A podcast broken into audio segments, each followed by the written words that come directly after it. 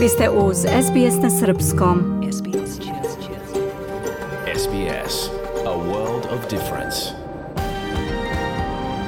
You're with SBS Serbian on mobile, online, and on radio. Vi ste uz SBS na Srpskom, na mobilnom, na internetu i na radiju.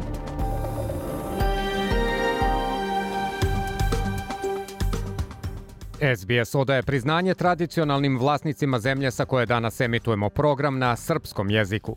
Ovim izražavamo poštovanje prema narodu Vurunđeri Voj Vurung, pripadnicima nacije Kulin i njihovim prošlim i sadašnjim starešinama.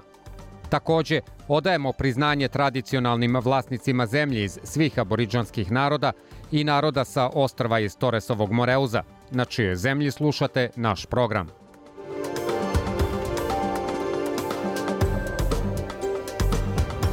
Dobar dan, dragi slušaoci. Danas je subota, 16. septembar 2023. godine. Ja sam Zoran Subić. U današnjem programu niz zanimljivih i aktuelnih tema. Odmah nakon vesti ćemo čuti opširan sportski pregled. Ispitivanje Senata je istraživalo zabrinutosti povodom potresa mozga u profesionalnom i sportu u zajednici. O toj temi nakon sporta. U Srbiji rastu kamate, a beleži se i rast nenaplativih kredita – O toj temi naša dopisnica iz Srbije Mija Nikolić. Viktor Lazić je osnivač i predsednik Društva za kulturu, umetnost i međunarodnu saradnju Adligat, a takođe i direktor biblioteke Lazić, kao i muzeja knjiga i putovanja u okviru ovog druženja. Hranislav Nikolić nam donosi taj razgovor. Kao i svake subote čućemo prilog o pravilima srpskog jezika koji preuzimamo od dramskog programa Radio Beograda – Nakon serijala Srpski na srpskom donosimo vam prilog pod nazivom Učite engleski uz SBS. Ostanite sa nama do 16 časova, sledi pregled vesti.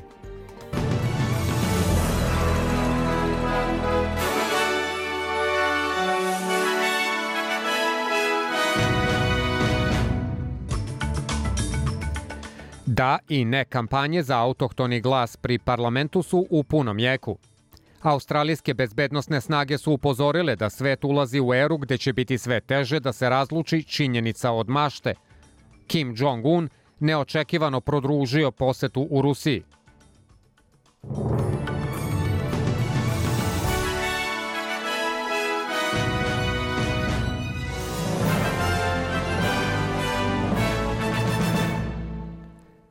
Da, kampanja za autohtoni glas u parlamentu je objavila novu reklamu od 20 miliona dolara, u kojoj se pojavljuje mladi autohtoni dečak koji želi da država čuje njegov glas. Will I grow up in a country that hears my voice? Da li ću odrasti u državi koja čuje moj glas? Da li ću živeti toliko dugo kao ostali australijanci? Da li ću ići u dobru školu? Da li ću naučiti jezik svog naroda? Ovo je usledilo dok se Australijanci spremaju da se pridruže 40 masovnih šetnji koje su planirane po glavnim gradovima i regionalnim centrima ovog vikenda. Port parol za nekampanju iz grupe Fe Australia je kritikovao ovu reklamu i sponzore iz korporacija koje koristi da kampanja, govoreći da veruje da Australijanci ne žele da budu podeljeni rasom. Australijske bezbednostne snage su upozorile da svet ulazi u eru gde će biti sve teže da se razluči činjenica od mašte. General Angus Campbell kaže da je rapidno ubrzanje u veštačkoj inteligenciji donelo nove izazove za bezbednost i sigurnost. On kaže da su video snimci u kojima su ljudi digitalno modifikovani sa licima i telima naročito zabrinjavajući. On kaže da se ove promene događaju sve brže.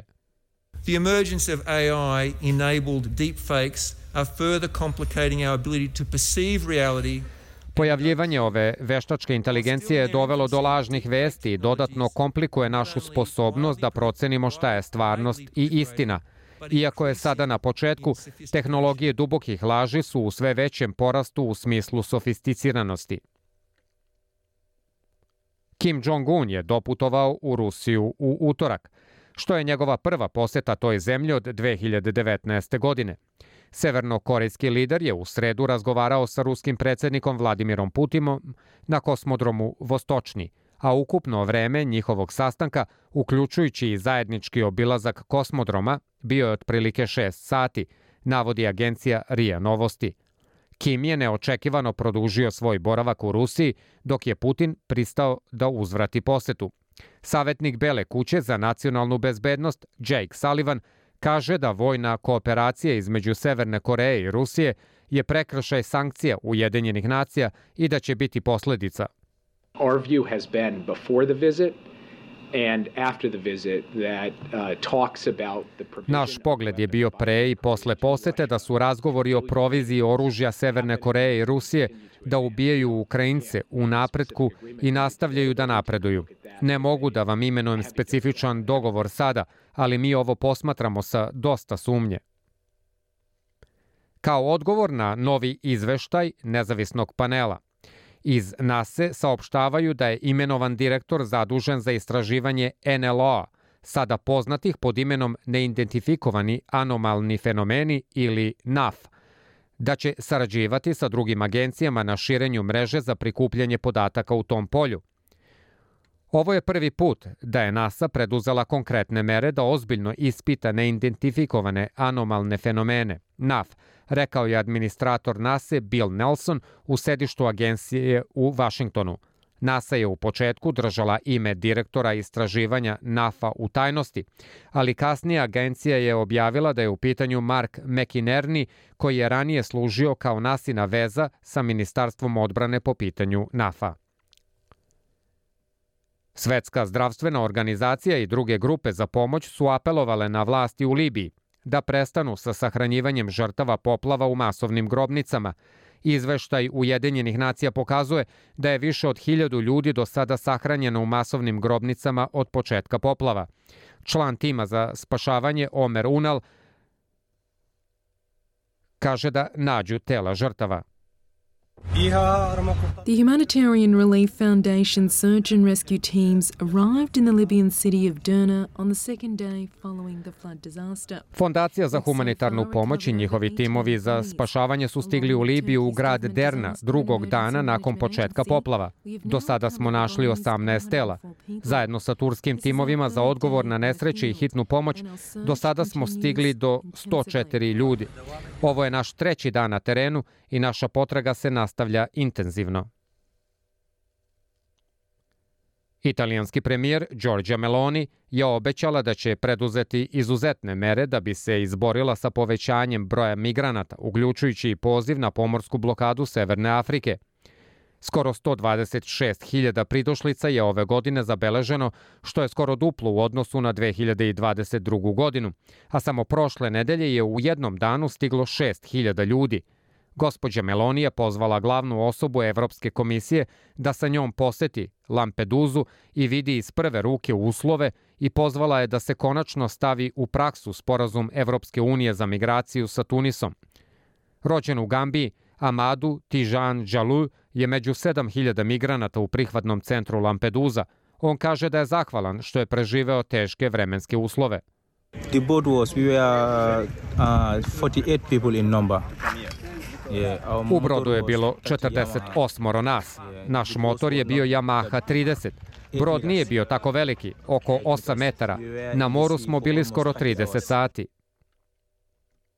Predsednik Srbije Aleksandar Vučić izjavio je da ga je zabrinulo to što niko nije ni primetio šta je sve premijer prištinske vlade Albin Kurti govorio u Briselu. Prave se naivni na zapadu da ne vide šta je tačno Kurti rekao – Da sam ja izgovorio to što je on izgovorio, visio bih i u Berlinu i Briselu i Vašingtonu, ali to su dvostruki standardi, rekao je Vučić odgovarajući na pitanja novinara u Nišu, gde se obeležava Dan srpskog jedinstva, slobode i nacionalne zastave – Na pitanje da li ima nečeg neprihvatljivog za Srbiju u predlogu koji je podnela Evropska unija da Srbija ne sme da se protivi članstvu takozvano Kosova u bilo kojoj međunarodnoj organizaciji, Vučić je rekao da mu je od početka bilo jasno da Kurti ne želi bilo kakav sporazum u kojem bi on morao da formira zajednicu srpskih opština, a pre onoga što on naziva neformalnim priznanjem. Srbija i Republika Srpska obeležile su zajednički praznik, Dan srpskog jedinstva, slobode i nacionalne zastave, a centralna manifestacija održana je u Nišu, u sportskoj sali Čajr. Patrijarh Porfirije poručio da se jedinstvo srpskog naroda ne ograničava na geografske međe. Srpsko nacionalno jedinstvo uvek žele da razbiju i pokore, kaže Milorad Dodik. Imamo jednu jedinu nacionalnu zastavu i svoj rod kojeg se ne stidimo, istakao je Aleksandar Vučić i dodao da je Srbija ponosna na svoju slobodu. Predsednik Srbije poručio je da se Srbija ni po koju cenu neće odreći Kosova i Metohije, jer ne može da se odrekne svog imena, prezimena i budućnosti.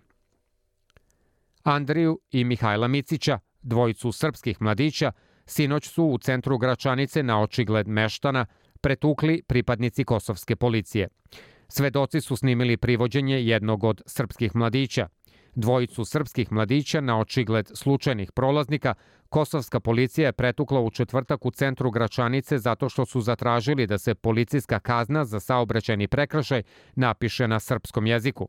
Na to je jedan od policajaca uzvratio, znaš li ti gde živiš, i počeo da ih udara, nakon čega su mu se u prebijanju pridružila još dvojica kolega.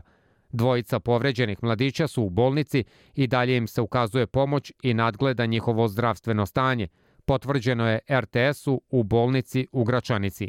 Određeno im je zadržavanje od 48 sati zbog navodnog napada na policajce.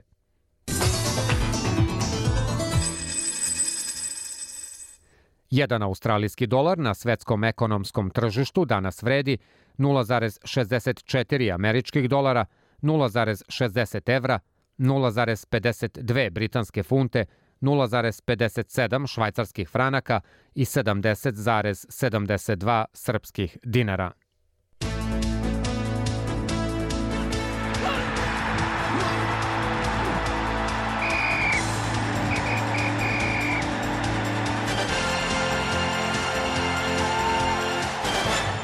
Odbojkašice Srbije počinju kvalifikacije za plasma na olimpijske igre. Srbija se nalazi u grupi A, a u prvoj utakmici su igrali protiv Meksika. Davis Cup reprezentacija Srbije plasirala se u četvrtfinale pobedom Novaka Đokovića nad Špancem Alejandrom Davidovićem Fokinom u Valenciji. Zorana Arunović i Damir Mikec osvojili su zlatnu medalju u disciplini vazdušni pištolj 10 metara na svetskom kupu koji se održava u Brazilu. Srpski futbaler Aleksandar Mitrović postigao je gol iz penala, a njegov saigrač iz reprezentacije Sergej Milinković-Savić bio je asistent u ubedljivoj pobedi Al Hilala nad Al Rijadom 6 prema 1 u meču šesto kola najjače lige Saudijske Arabije. Bayern iz Minhena i Bayern Leverkusen remizirali su 2-2 u meču četvrtog kola Nemačke Bundeslige. Derbi dva neporažena tima u Nemačkoj nije razočarao – Više od 4000 navijača prisustvovalo je promociji Adema Ljajića u Novom pazaru, saopštio je futbalski klub iz grada na Jošanici. Futbaler Vojvodine, Jonathan Bolingi, nalazi se na intenzivnoj nezi u Institutu za plućne bolesti u Sremskoj kamenici. Igrač iz Demokratske republike Konga je zbog lošeg zdravstvenog stanja po povratku iz Kinšase hitno primljen u bolnicu. Luka Banki, selektor Letonije, i najbolji trener nedavno završenog Mundo basketa preuzeo je Virtus iz Bolonje, saopštio je italijanski klub. Sledi vremenska prognoza koja nas danas do kraja dana očekuje po najvećim gradovima Australije. U Sidneju 32 stepena i sunčano vreme, u Melbourneu 25, takođe sunčano, u Brisbaneu 26 stepeni, uglavnom sunčano, u Pertu 22 stepena, delimično oblačno, u Adelaidu 24 i sunčano vreme, u Hobartu samo 17 i pljuskovi, u Kamberi 25 stepeni i sunčano vreme i u Darwinu 34 stepena i sunčano vreme. Ovo su bile vesti SBS programa.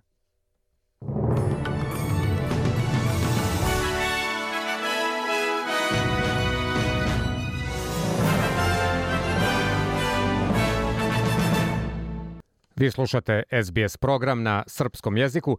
Tačno je 15 časova i 16 minuta. Nakon vesti, kao što smo najavili, e, sledi opširan sportski prilog.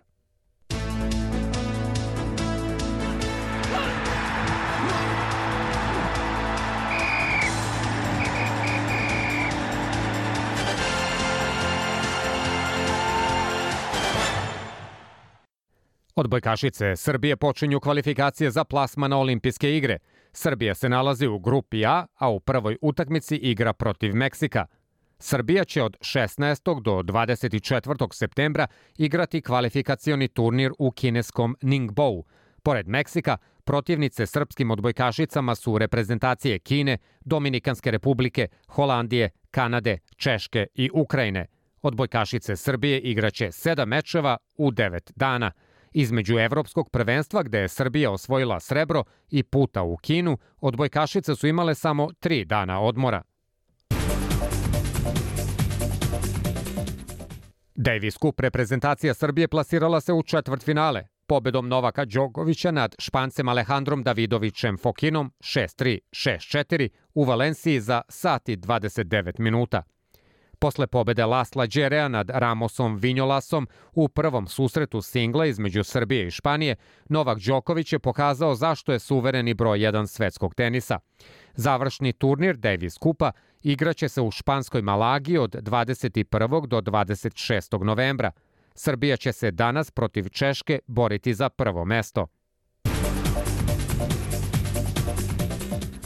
U biciklizmu Italijan Alberto Dajanezi je izbegao ogroman sudar u poslednjem kilometru sprinta u 19. etapi španske Vuelte. Amerikanac Sepp Kuss iz tima Jumbo Visma je sigurno završio peloton i osigurao vodstvo u ukupnom plasmanu. Dainese kaže da je zadovoljan što je plan trke bio ostvaren u realnosti. I really wanted to, to end the, the season uh, in a good way and uh, Stvarno sam želeo da završim sezonu u ovom smislu. Očito je da je ovo veoma specijalno. Danas sam osjećao dosta pritiska jer sam znao da je poslednja šansa za sprint. I stvarno želim da kažem hvala timu. Uradili su dobar posao. Sprint, um, yeah, and I really want to say thanks for the team. They did a good job. Australijanac Caden Groves, koji je pobedio u drugoj etapi, odnosno u dve etape, je bio učesnik sudara u kojem su nekoliko vozača dodirnuli točkove. On je i dalje u vodstvu u ukupnom plasmanu sa 245 bodova ispred Remko Evenepoela sa 192 boda. Rekao je Eurosportu da je super srećan jer je bez povrede izašao iz incidenta. No injuries, actually, I, uh, I managed to unclip and... Um, Bez povrede. U stvari uspeo sam da se izvučem i da se ne srušim na zemlju. Nisam video kako. Na kraju sam trčao i izbegao da se srušim.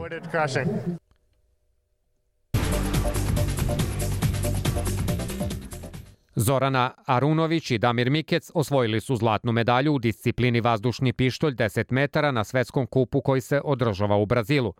Kako je saopštio Olimpijski komitet Srbije, srpski takmičari su bili najbolji u miks konkurenciji, a u finalu su savladali takmičare iz Kine.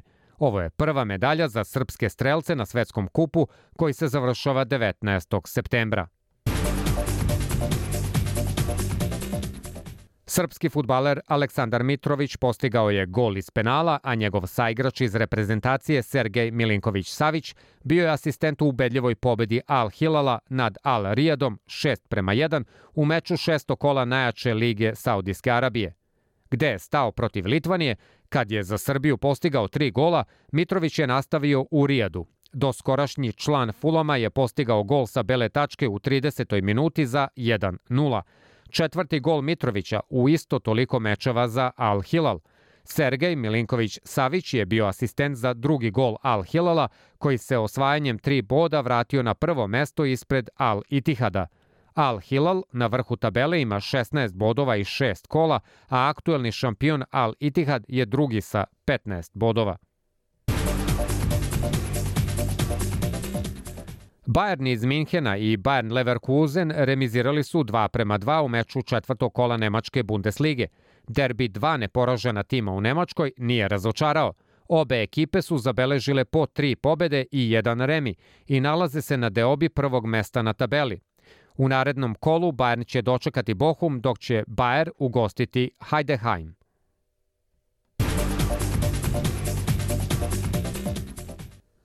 Više od 4000 navijača prisustvovalo je promociji Adema Ljajića u Novom pazaru, saopštio je futbalski klub iz grada na Jošanici. Navijači su na gradskom stadionu oduševljeno pozdravili nekadašnjeg reprezentativca Srbije i futbalera Partizana Fiorentine Rome, Intera i Bešiktaša. Futbaler Vojvodine Jonathan Bolingi nalazi se na intenzivnoj nezi u Institutu za plućne bolesti u Sremskoj kamenici.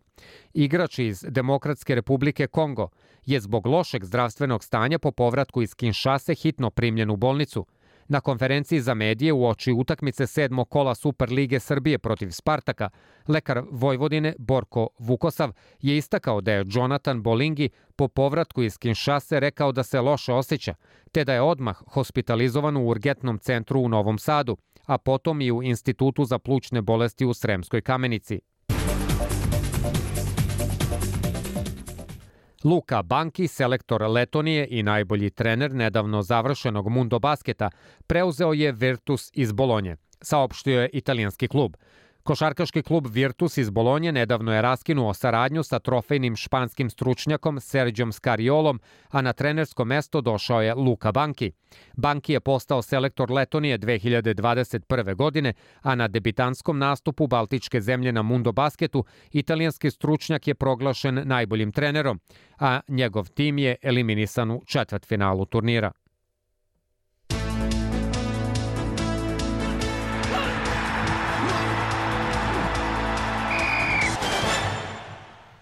Vi slušate SBS program na srpskom jeziku, tačno je 15 časova i 23 minute. Ja sam Zoran Subić, ostanite sa nama. Ispitivanje Senata je istraživalo zabrinutosti povodom potresa mozga u profesionalnom i sportu u zajednici. Njihov konačni izveštaj je pozvao na formiranje nacionalne strategije i vladu da preuzme veću ulogu u rešavanju ovog problema. Debra Grork i Tom Steiner iz SBS News pišu o ovoj temi.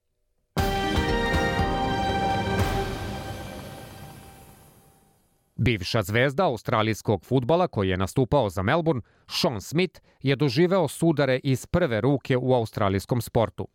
On je dobio odštetu od 1,4 miliona dolara za štetu koju su uzrokovali udarci glavom tokom 11 godina njegove karijere i kaže da potresi mozga mogu imati dugoročne posledice – I've seen the impact personally uh, in my own life. Um, Video sam taj uticaj lično u svom životu. Radim sve što mogu da sebe učinim boljim, ali ima toliko momaka koje vidim koji su bukvalno slomljeni. Slomljena ljudska bića. Dr. Adrian Cowen je istraživač u polju potresa mozga.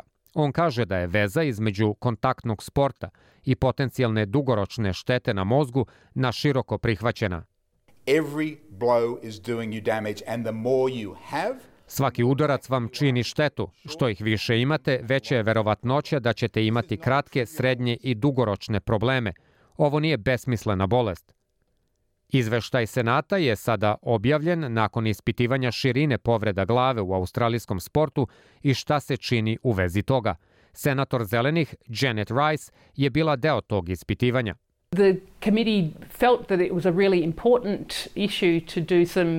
Odbor je mislio da je ovo veoma važno pitanje koje treba da se istraži i mislim da smo proizveli veoma važan izveštaj koji pokazuje da zajednica kao celina, ali naročito vlade i sportske organizacije stvarno moraju da se izdignu i počnu da rade mnogo više kako bi se nosili sa potresima mozgova u Australiji. Senatorka Rice kaže da su pružili brojne predloge kako se nositi sa povredama glave u zajednici i u elitnom sportu.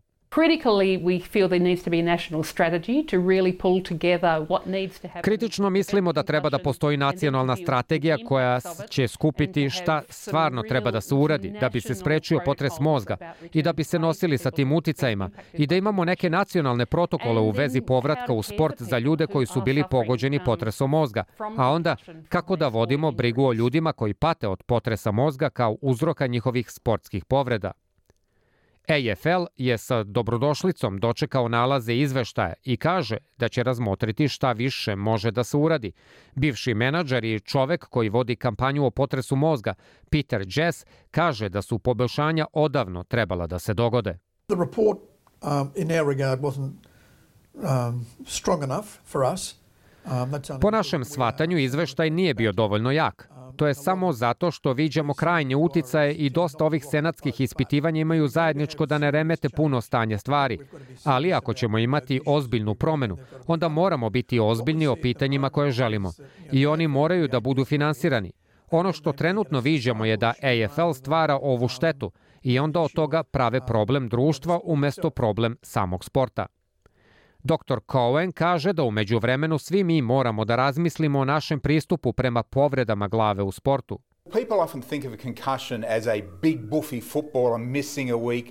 Ljudi obično misle o potresu mozga kao nekom velikom futbaleru koji će pauzirati nedelju dana i propustiti nešto novca. I da to i nije tako velika stvar. Reći ću vam, jeste velika stvar. Velika je stvar ako ste i dete, ako ste 14 ili 15 godina i vaš se mozak još uvek razvija. Velika je stvar ako ne priznajemo potres mozga i vratimo vas nazad na teren da igrate ili vas pošaljemo na trening gde dobijete još jedan udarac u glavu.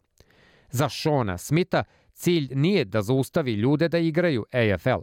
On kaže da je cilj da se izađe na teren bezbedno, tako da igrači ne moraju da napuste sport pre nego što su spremni za to. Mislim, postoje trenutno igrači koji se nalaze u 20. godinama, a koji su morali da se povuku iz sporta, futbala po australijskim pravilima. Ovo su sve veoma, veoma mladi ljudi koji su morali da prekinu sa ovom igrom zbog udaraca u predelu glave i mozga.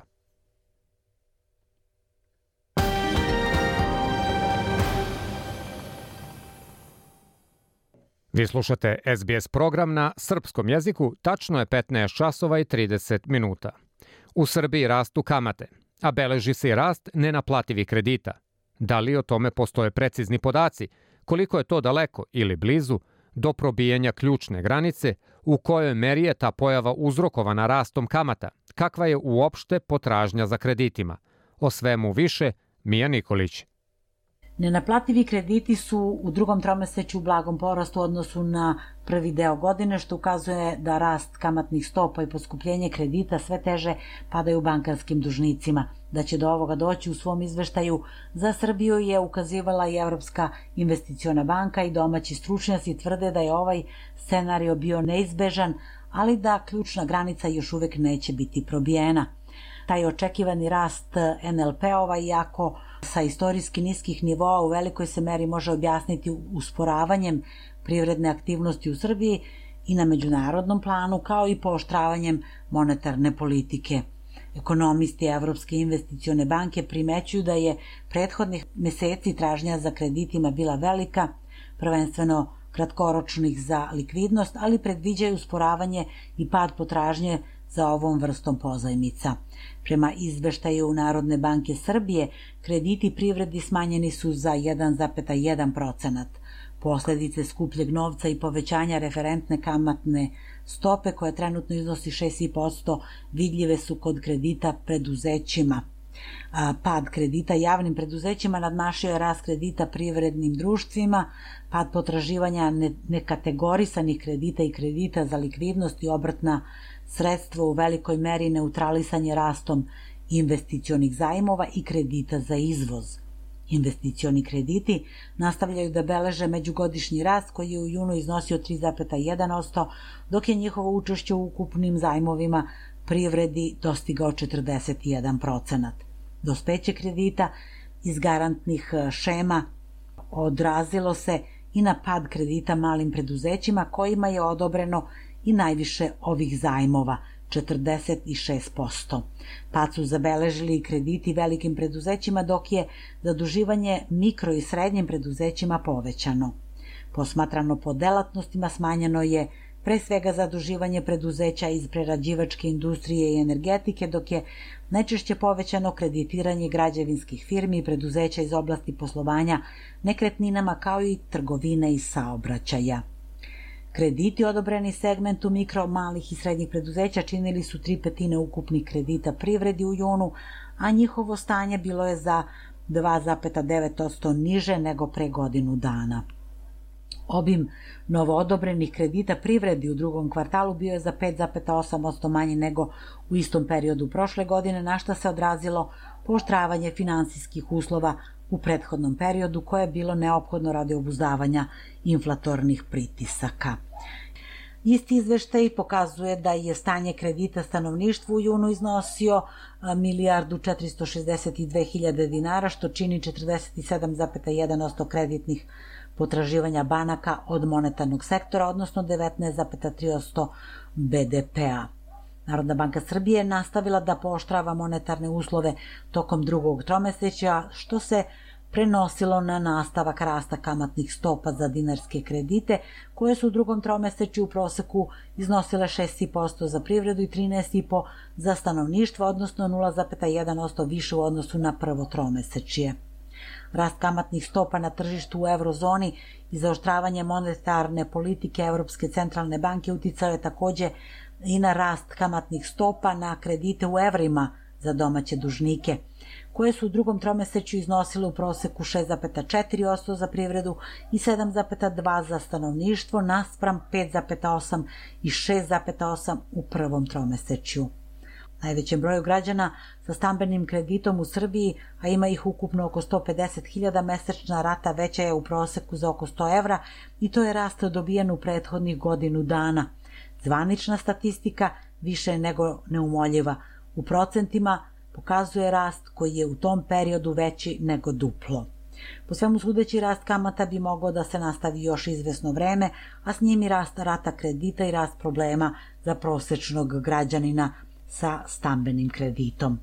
Prema podacima Narodne banke Srbije, prosečna kamata na kredite u evrima kojih je oko 99% od ukupnog broja U aprilu prošle godine iznosila 2,66%, godinu dana kasnije popela se na 6,29%, u maju je bila 6,47%, u junu 6,65%, što je rast od više nego duplo za godinu dana.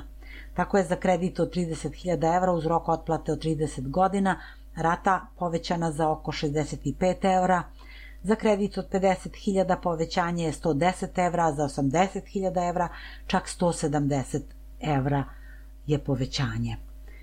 Narodna banka Srbije u decembru 22. dopunila postojeću regulativu kojom omogućava bankama da restrukturiraju potraživanja od odužnika koji se suočavaju sa teškoćama u otplati kredita – Tako je za gotovinske i potrošačke kredite omogućeno produženje roka otplate od 9 godina, za kredite za kupovinu automobila do 11 godina.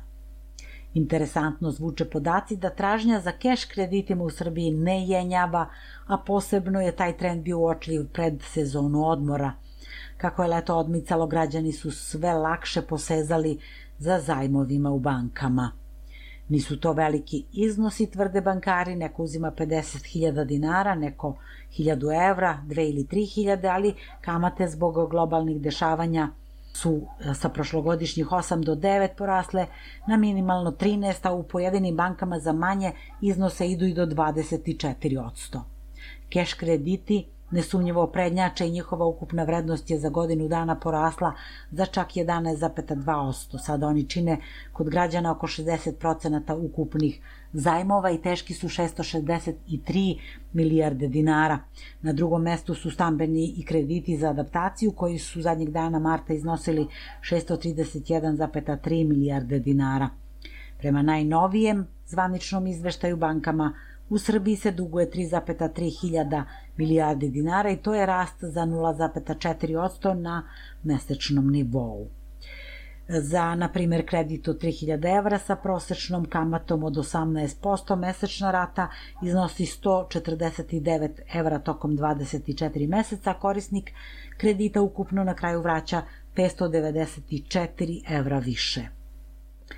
Euribor je na domaku 4%, centralne banke sveta ne šalju dobre signale, federalne rezerve očekuju još dva povećanja kamata u ovoj godini, do sada ga je slepo sledila i Evropska centralna banka i to nije dobar znak ni za Srbiju, upozoravaju domaći stručnjaci. SBS na srpskom. Podelimo priče na Facebook stranici Da, vi slušate SBS program na srpskom jeziku, a tačno je 15 časova i 37 minuta. Ja sam Zoran Subić. U nastavku donosimo zanimljiv razgovor. Viktor Lazić je osnivač i predsednik Društva za kulturu, umetnost i međunarodnu saradnju Adligat, a takođe i direktor biblioteke Lazić, kao i muzeja knjiga i putovanja u okviru ovog udruženja. Lazić se smatra za jednog od poznatih srpskih savremenih putopisaca, koji je u svojim autorskim delima ovekovečio i avanture po australijskom kontinentu. O tome, kao i o radu Adligata, sa njim je razgovarao naš dopisnik iz Beograda, Hranislav Nikolić. Gospodine Laziću, molim vas da slušalcima SBS radija detaljnije kažete o udruženju Adligat. Prvo da vam kažem šta znači Adligat. Adligat je stručan bibliotečki termin iz latinskog jezika koji označava više knjiga u jednim koricama. Za nas je to simbol više naroda, više zemalja, kultura, generacija pod jednim krovom, kao kada imate više knjiga ukoričenih u jedne korice. Slično moto u Indoneziji, u se inače sad kutku upravo sedimo, koje kaže jedinstvo u različitosti. Udruženje Adligat je okupilo 220 ljudi koji se bave kulturom, umetnošću, književnošću, profesurom i koji su svi zajedno na inicijativu moje porodice napravili kompleks muzeja. Zapravo je ovo hibrid muzeja, biblioteke i arhiva. Mi se sada nalazimo u Muzeju knjige i putovanja i to je naš, da kažem, najprepoznatljiviji projekat. Međutim, imamo i dom legata u kome se nalazi 117 legata najznačajnijih naših ljudi i u formiranju je Muzej srpske književnosti. U Muzeju knjige postoji deo gde su knjige o Australiji. Kako ste do njih došli i koje biste delo iz te zbirke pomenuli kao najznačajnije, najzanimljivije? Pa da vam kažem, australijski deo je nastajao spontano, jednim dobrim delom mojim putovanjem po Australiji i ja sam, ako ne grešim, oko 600 kg poslao iz Australije i znam da je to toliko bilo skupo da me je više koštalo slanje tih knjiga nego moje putovanje Australijom. A knjige sam sakupljao po celom kontinentu kako sam i putovao. E naravno onda kada se ovde formirala već ta zbirka Australije, onda su i ljudi krenuli da mi pohranjaju knjige koje su takođe kupovali po Australiji i nabavljali na različite načine. Teško mi je da se opredelim, da kažem da izaberem neki deo ili, ili ne, neko delo, ali bih da napomenem da se tu nalazi zbirka australijske filatelije i to je jedna od, od boljih. I nalazi se takođe u našem digitalnom fondu veliki fond digitalnih fotografija. Dakle, sa, što mojih, što tuđih putovanja po Australiji. Što se knjiga tiče, naročito sam ponosan na zbirku knjiga o aboriđenima, koja je naravno mala, ali je najveća u regionu, i na zbirku o, ne direktno vezanih za Australiju, ali o Pacifičkim ostrovima, zato što sam do tih knjiga naročito teško dolazio i, i prosto to je zaista nešto što ni, nijedna biblioteka u regionu, a redko koja je u svetu da ima celu zbirku posvećenu Pacifičkim ostrovima. Nedavno je u Adligatu ambasador Australije u Srbiji Daniel Emery održao predavanje o istoriji Australije. Kako vi ocenjujete to predavanje?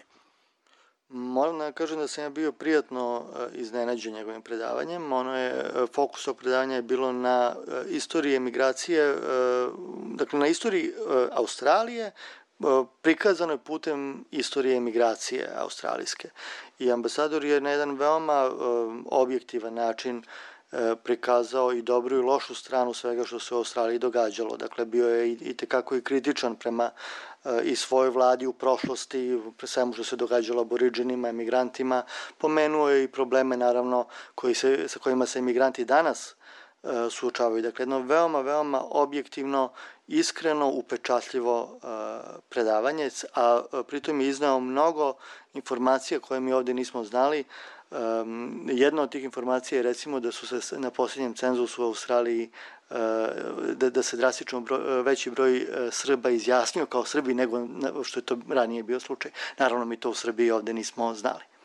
Vi ste svojevremeno proveli dva meseca na petom kontinentu. Gde ste sve bili? Napisali ste nekoliko knjiga, putopisa sa tog putovanja. O čemu ste pisali? Pa ja sada da vam kažem gde sam sve bio, to bi trebalo duže nego što je vaša emisija. E, obišao sam sve australijske države, doduše nisam bio u Tasmaniji, ali dakle na kontinentu uglavnom. E, krenuo sam moj obilazak Australijom tako što sam sa Timora sleteo u Darwin i obilazio sam severnu teritoriju, taj gornji deo. Zatim sam otišao za Pert. U Pertu sam kupio automobil i onda sam autom putovao dakle uz južnu obalu Australije do Adelaida.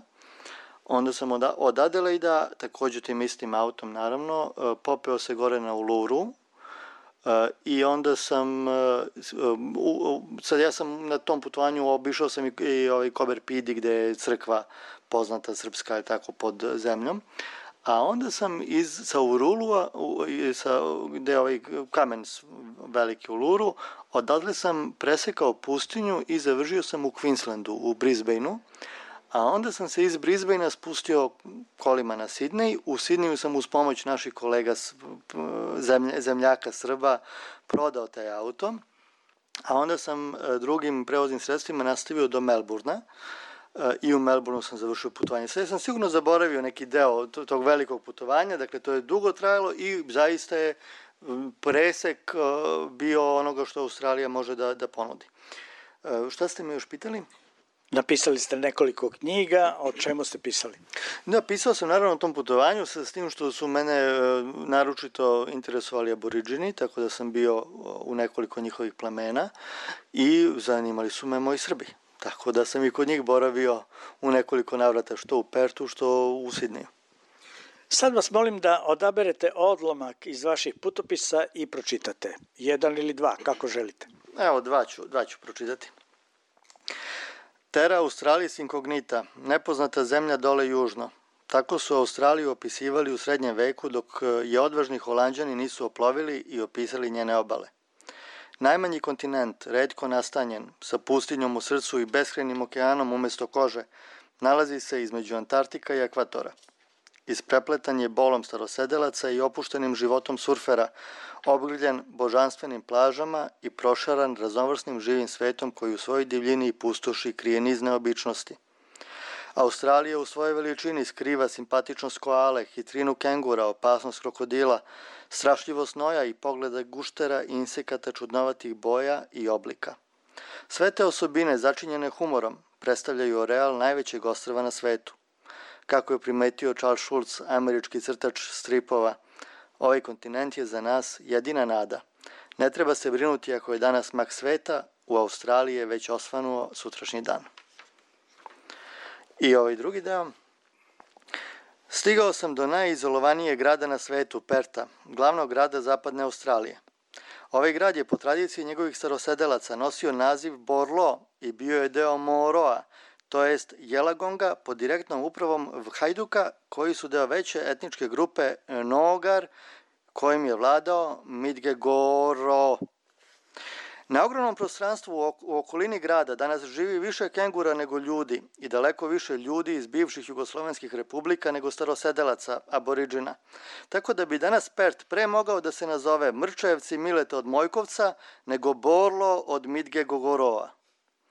Po etničkom sastavu Engleza ima više nego Australijanaca, ali me je ipak na aerodromu dočekao carinik na srpskom, Nik, verovatno Nikola.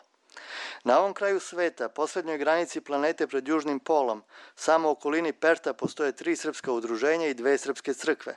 Naši zemljaci, jako su daleko od otačbine, nisu daleko od pravila. Dva Srbina, tri partije. Hvala iz Beograda za SBS Hranislav Nikolić. Vi ste uz SBS na Srpskom. Vi slušate SBS program na srpskom jeziku, a kao i svake subote čućemo prilog o pravilima srpskog jezika koji preuzimamo od dramskog programa Radio Beograda.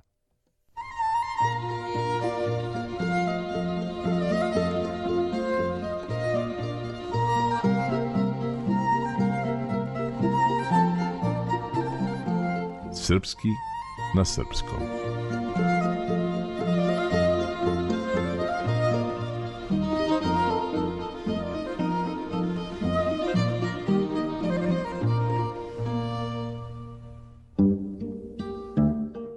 Na samom ulazu u naše selo nalazi se mali bife. Iako od nikoga nije bio posebno hvaljen, svi su odlazili tamo i za ništa ga ne bi menjali. On je bio prilično star i pomalo neugledan, poput svog vlasnika Mite. Deda Mita je pod stare dane polako gubio sluh, ali je odbijao da nabavi slušni aparat. Zbog ničega na svetu ne bi pristao da ode kod lekara. Odlučno je protestovao protiv moderne medicine i svega što ima veze sa njom. Uzdao se u narodne recepte, naročito u beli luk, taj univerzalni lek za sve boljke, pa i gluvoću. Uzalud ga je žena opominjala da će neprijatan miris rastirati sve goste bifea. Zar da posle toliko godina rada spadnu na ništa zbog belog luka? Toliki trud ni za šta. Pošto Miti do nikoga nije stalo kao do najmlađeg unuka, stvar je predata u njegove ruke. I unuga je posle dužeg vremena jedva ubedio da ode kod lekara. Usledilo je nekoliko pregleda i analiza, a onda je Mita dobio svoj prvi slušni aparat.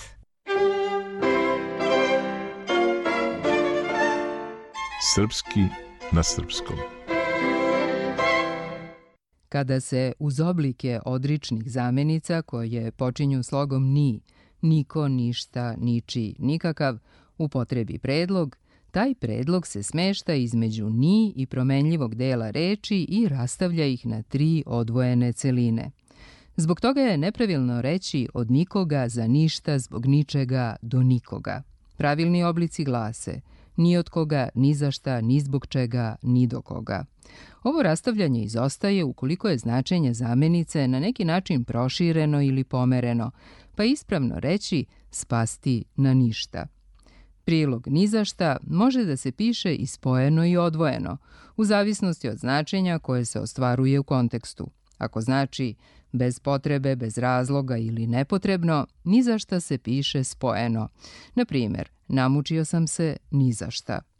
Ni za šta pišemo odvojeno kada prilog ima značenje odrične zamenice ništa. Na primjer, ovaj auto ne bih menjao ni za šta.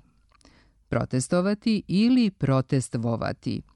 U ovom glagolu se javlja takozvano parazitsko v, koje je tu došlo analogijom prema glagolima izvedenim od imenica sa sufiksom stvo, prisustvo prisustvovati, odsustvo odsustvovati. Međutim, u slučaju našeg glagola izvedenog od imenice protest, oblik sa parazitskim v norma ne prihvata, te je pravilno samo protestovati.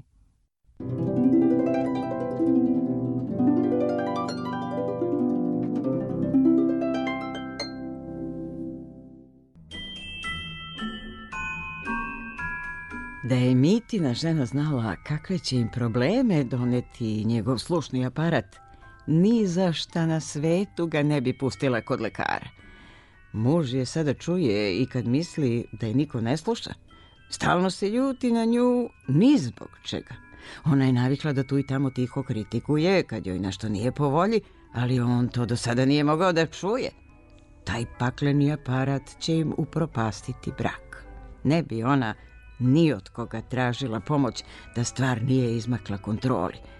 Zato je odlučila da ode kod onog istog lekara i zahtjeva da Miti oduzme slušni aparat. Bila je čak spremna da protestuje ispred ordinacije dok lekar nešto ne preduzme. On će valjda razumeti ozbiljnost problema. Jer otkad je njen Mita dobio slušni aparat, već dva puta je menjao testament i kako da zna ko će jednog dana naslediti njegov bife.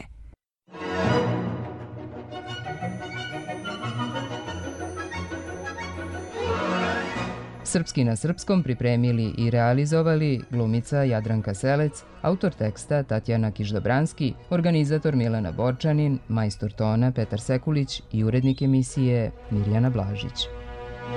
Vi slušate SBS na srpskom jeziku, a nakon serijala Srpski na srpskom koji preuzimamo od dramskog programa Radio Beograda, donosimo vam prilog pod nazivom Učite engleski uz SBS. U ovom serijalu voditeljka Josipa Kosanović kroz zanimljive životne situacije pokušava da približi slušaocima ne samo veštine engleskog jezika, već i specifični australijski žargon – Današnja epizoda namenjena je ljudima sa srednjim nivoom znanja engleskog jezika.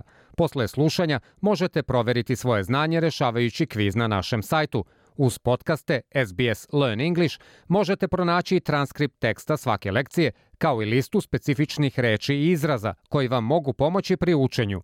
SBS Learn English će vam pomoći da bolje govorite, razumete i da budete bliski svom okruženju u Australiji. Da čujemo. Hi, my name is Josipa, and in today's episode, we are going to learn how to eat humble pie. Now, before you grab your forks, let me clarify that eating a humble pie is a phrase you can use to apologize and admit that you have been wrong. To apologize means to say sorry for something.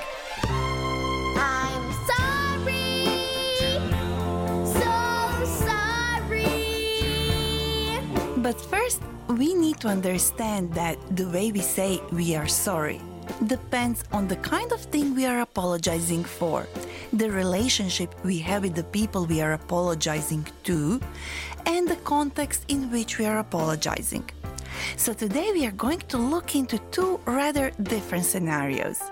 How we apologize for a mistake that we have made and what we can say to try to make things better after we have had some sort of disagreement with someone that didn't go very well. So let's get on with it. We are starting with phrases we can use in an informal context when we have made some sort of minor mistake, something we could use after a minor slip up. A minor slip up is a small mistake that is unintentional. So, Alan is walking on the busy street, looking at his phone when he accidentally bumps into another person. Oops, my bad. I apologize. We can use oops before we start to talk about a slight mistake or slip up. While my bad is an informal way of admitting that something that has gone wrong is your mistake and that you take your responsibility for it. So Alan says, oops, my bad, to show that he realizes he has made a mistake.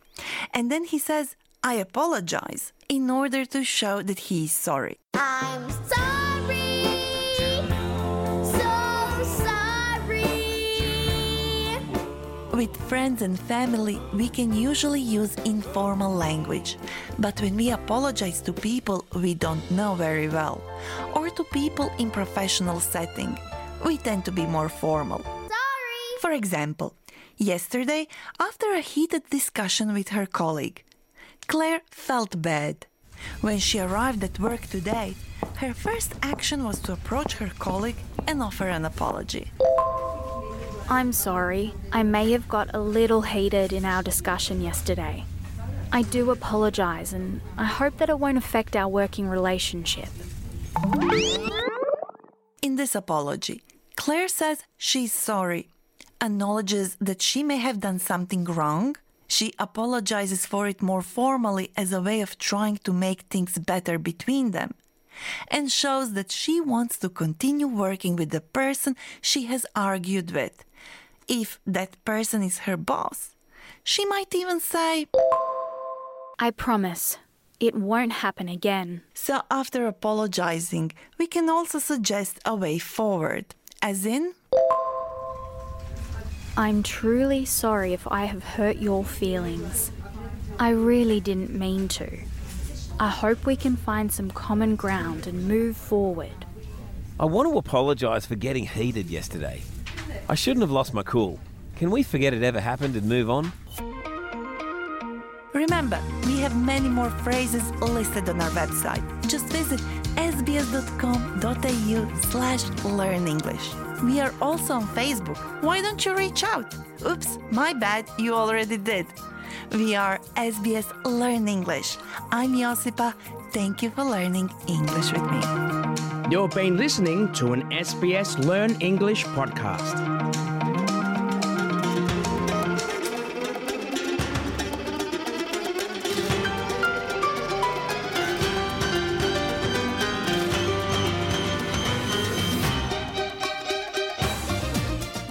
Je bilo sve od nas ove subote 16. septembra.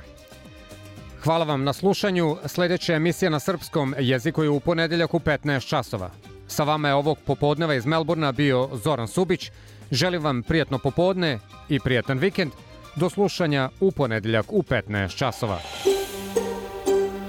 Želite da čujete još priča poput ove? Slušajte nas na Apple Podcast, Google Podcast, Spotify ili odakle god slušate podcast.